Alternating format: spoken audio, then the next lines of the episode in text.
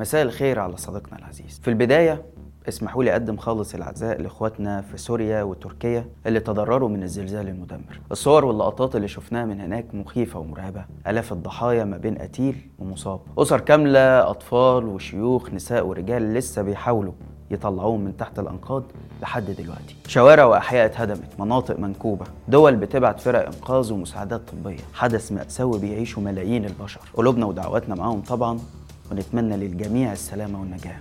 وأخص بالذكر إخواتنا السوريين اللي شافوا يوم بأيام الحرب كلها. أهوال يوم القيامة زي ما وصفوا كتير من الناجين وكأن كده كل الظروف القدرية والبشرية اجتمعت عليهم. مفيش كلام يتقال غير إنه رجائنا في ربنا كبير. وثقتنا في معدن الشعب السوري ملهاش حدود. إن شاء الله تعدي المحن وترجع الحياة تنور من تاني في سوريا وتركيا وكل بلادنا العربية والإسلامية. ودلوقتي يلا بينا نبدأ الحلقة. أغلب الأطفال لما تسألهم السؤال التقليدي اللي هو عايز تطلع إيه لما تكبر بيرد ويقول عايز أطلع ظابط. تقول له ليه؟ إشمعنى يعني؟ يقول لك عشان أحمي الناس وأقبض على الحرامية. هدف نبيل وغاية جميلة ما أقدرش أقول عنها حاجة. بس في مصر الوضع بقى مختلف دلوقتي. في مصر لو سألت أب نفسك ابنك يطلع إيه؟ احتمال كبير هو اللي يقول لك نفسي يطلع ظابط. ولو سألته ليه؟ هيقول لك عشان يأمن مستقبله. ويبقى العيلة ليها ظهر تتسند عليه. نظرة المصريين للجيش والشرطة والمؤسسات العسكرية اتغيرت بشكل كبير في السنوات الأخيرة خاصة في عهد السيسي. اللي نقدر نقول إنه ركب الطبقة دي اللي هي طبقة الجيش والشرطة وعائلاتهم فوق الشعب وادالهم امتيازات غير مسبوقة. تخليهم مش بس يلعبوا دور أعضاء الحزب الحاكم لأ دول بيلعبوا دلوقتي دور أصحاب البلد ملاكها أو للدقة محتليها اللي اغتصبوها من سكانها الأصليين اللي هم الشعب المصري. المدنيين العزل الموظفين والدكاترة والمهندسين والعمال والفلاحين الطبقات الوسطى والفقيرة. يمكن اللي بيقدر يتعامل مع المحتل المحلي ده ويلقط حتة من التورتة هم الطبقة الغنية ومش كلهم كمان. لازم تكون شريك ليهم أو في مصلحة مشتركة بتجمع بينكم. غير كده أنت مدني عادي. أقل رتبة في أمن الدولة ممكن تسوحك تتهمك بالإرهاب تنهب فلوسك تمنعك من السفر حتى تعمل فيك أي حاجة هي عايزاها بدون رادع من قانون ولا عرف. ولا قوة. السيسي حول مصر لتكية خاصة بالعساكر. بعد ما المصريين كانوا بيهتفوا مصر مش تكية في إشارة لرجال أعمال مبارك اللي نهبوا البلد وحولوها لتكية خاصة بيهم جا السيسي خلاها تكية لعساكرهم. ياخدوا منها زي ما هم عايزين بدون ما حد يكون قادر إنه يحاسبهم أو يقول لهم تلت التلاتة كام. التكية اللي أصلها بيوت الدراويش والمتصوفة في العصور السابقة واللي خدت الاسم ده لأنها بتكون أماكن للاتكاء والراحة وبتكون مفتوحة للفقراء والمحتاجين وعابري السبيل. اتحولت في المفهوم الشعبي لمال سايب ملوش صاحب. أي حد معدي في الشارع يقدر يدخل وياخده بدون ما يلاقي اللي يسأله أو اللي يحاسبه. بس الأخطر في نموذج السيسي إنه مش بس حول مصر لتكيه ده حولها لمعسكر محكوم بالحديد والنار. ما بتسمعش فيه صوت غير صوت القائد وأوامره ونواهيه اللي بيعترض أو يقول رأي مخالف يبقى خاين يستحق العقاب واللي بره المعسكر يبقوا أعداء. إزاي السيسي بيحكم مصر؟ وإزاي حولها من دولة لمعسكر؟ ده اللي هنحاول نعرفه معاكم في حلقة النهارده. أنا عبد الرحمن عمر وده برنامج الحكاية.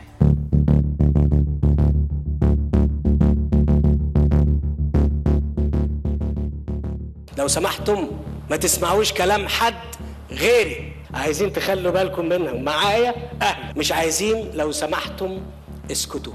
اسكتوا لا مؤاخذة أنا شايف كده كلام آه، إحذروا ها، أنتوا باين عليكم ما تعرفونيش صحيح ما تعرفونيش صحيح أنا مش سياسي بتاع الكلام بقول لحضرتك إيه؟ أنت مين؟ جواب إيه؟ أنت دارس الموضوع اللي بتتكلم فيه ده؟ أنت دارسه؟ إيه ده؟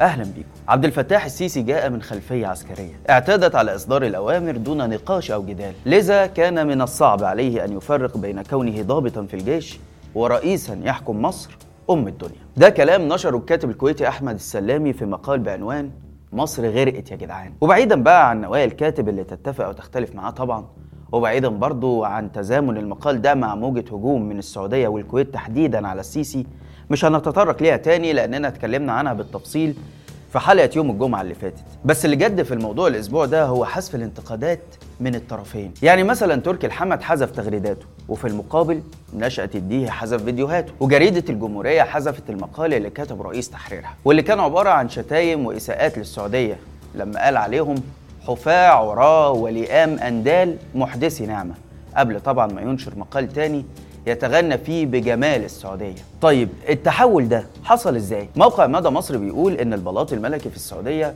أبدى انزعاجه من الإساءات دي ونقل تهديدات واضحة جدا للبعثة الدبلوماسية المصرية في الرياض إن ده هيكون ليه تبعات على العلاقة بين البلدين وتحديدا على ملفات العمالة المصرية هناك ودول تعدادهم حوالي 3 مليون مصري. ده غير إمدادات النفط اللي بتحصل عليها مصر بأسعار مخفضة والتزامات سداد ميسرة. فهوب على طول أحد مستشاري السيسي تدخل في الموضوع ووقف كل الإساءات في الإعلام المصري وحذف كمان اللي اتنشر من فيديوهات وتغريدات ومقالات. نرجع تاني للكاتب الكويتي ومضمون كلامه اللي صعب حد يختلف عليه. الراجل بيقول إن نظام السيسي العسكري أغرق مصر في بحر من الديون. اللي أصبح تسديدها مستحيل في ظل الانهيار الاقتصادي. وبيرجع السبب في كده لتفرد السيسي بالسلطة رغم جهله بعلوم الإدارة والاقتصاد والسياسة. وبعدين بيتكلم عن مشاريع السيسي اللي اهتمت بالحجر أكتر ما اهتمت بالبشر. فبدل ما يبني مدارس ومستشفيات راح يشيد مباني خرسانية وطرق وكباري بلازمة وبدون لازمة. وبدل ما يدعم الصناعة والزراعة والتجارة والاستثمار ضيع فلوس البلد على قصور وطيارات ومؤتمرات الشباب بتاعته والمسلسلات اللي هدفها تخليد اسمه واللي مؤخرا قال إنه هيوقفها كنوع من ترشيد الإنفاق الحكومي عشان الأزمة الاقتصادية. طيب كان فين الترشيد ده وأنت بتعمل اختيار واحد واثنين وثلاثه وجايب له أهم ممثلين في البلد واخدين فيه ملايين الجنيهات؟ وقاعد بنفسك تشرف مين اللي هيمثل دوري؟ لا أحمد السقا ما ينفعش عشان قصير وأنا عايز أطلع طويل. إحنا ما طغيناش إحنا ما اعتد لم نعتدي إحنا حاولنا وكل كلمة اتقالت دي كانت عبارة عن واقع نقلتوه. كان فين الترشيد ده وانت بتنظم مؤتمر الشباب واحد واثنين وثلاثة وأربعة؟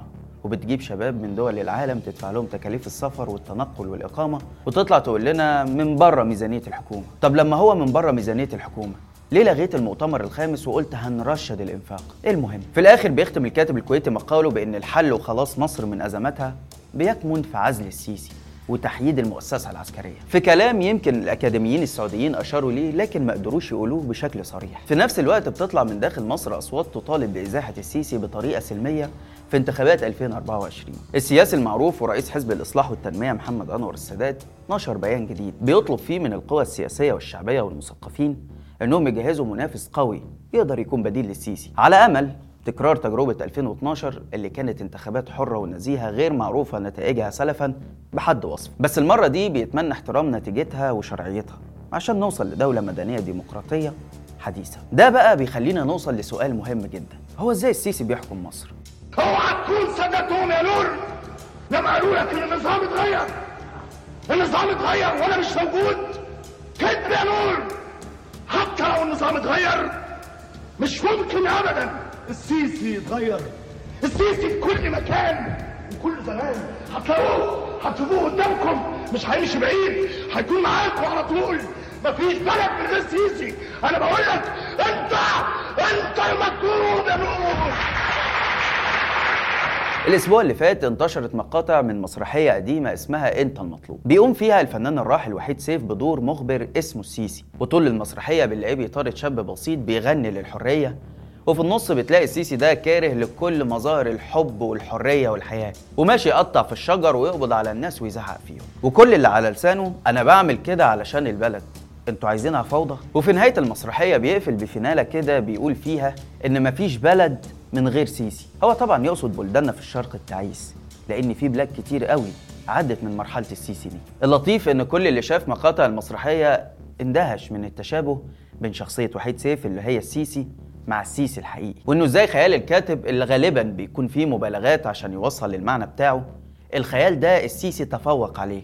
وبقى هو بالنسبة للمسرحية هو الخيال والمبالغة. يعني مثلا الكاتب ما جاش في باله إن السيسي ده يقول لهم محدش يسمع كلام حد غيري أو مثلا اللي هيعارضني هشيله من فوق وش الأرض ولا برضو آه، أنا مش سياسي بتاع الكلام. أو لما حد يقول له الناس بتعاني من غلاء الأسعار يرد ويقول أنت مين؟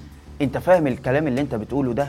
أنت دارسه ولما يجي حد يقول له دراسات جدوى يرد ويقول لو كنا مشينا ورا دراسات الجدوى ما كناش عملنا ربع اللي إحنا عملناه. ولا بقى أيام الإزالات وقانون التصالح اللي لم منه مليارات الجنيهات علشان يقنن مباني الناس المخالفة. لما هدد اللي ما دفعش وقال هخلي الجيش ينزل يبيد القرى دي رغم إنه كان بيتكلم عن شعبه وبلده. بينما لما يروح يواجه أعداء حقيقيين بيتحول حرفيا. زي مثلا إثيوبيا اللي بتهددنا بقطع المية.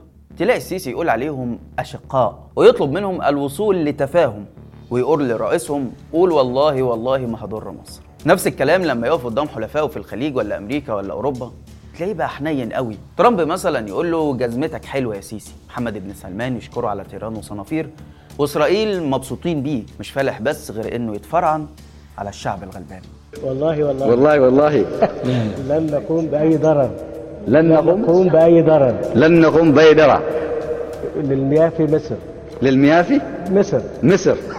العقلية العسكرية اللي السيسي بيحكم بيها البلد هي السبب الأول في حالة الفشل والانهيار اللي مصر وصلت ليه. إنك تعامل الشعب باعتباره جنود في معسكر وتتوقع منهم إنهم يطيعوا الأوامر بدون ما يسألوك ليه وإزاي. هنا بيتحول المواطن لمجند بيقضي خدمة إجبارية مش مواطن عايش حر ببلده وبيتحول المسؤول لقائد عسكري بيصدر الأوامر ويستناها تتنفذ مش خادم للشعب. وده طبعا بيلغي فكرة المحاسبة والرقابة اللي هي أساسيات الحياة المدنية وبيحول الوطن كله لمعسكر كبير. عمرك ما هتشوف في أي دولة محترمة رئيس لما يجي يكلم الوزراء أو المسؤولين يقوموا يوقفوا له انتباه ويفضلوا واقفين لغاية ما يأذن ليهم ويقول اقعد يا كامل ولا اقعد يا معيط. السيسي كمان دخل الجيش في كل مفاصل الدولة من وزارات هيئات إدارات كل مكان بقى فيه ضابط جيش. مهمته السيطرة وضمان الولاء من وزارة النقل لدار الأوبرا ومن مصانع الألبان لمزارع السمك. ده طبعا غير مجالات زي الإعلام والسينما اللي سيطر عليها الجيش وبقى يديرها بطريقة الشؤون المعنوية. مسلسلات عن بطولات القائد الملهم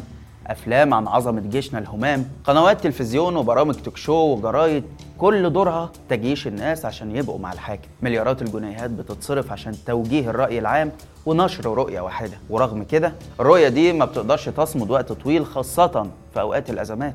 الناس مش هيفرق معاها كلامك عن معاناة المواطن البريطاني ولا سعر العيش في النمسا. اللي هيفرق معاها بجد هو أسعار السلع اللي في الكشك اللي على أول الشارع ومرتبه اللي ما بيكفيش معاه لآخر الشهر. الأسعار عايزين تسيطروا عليها.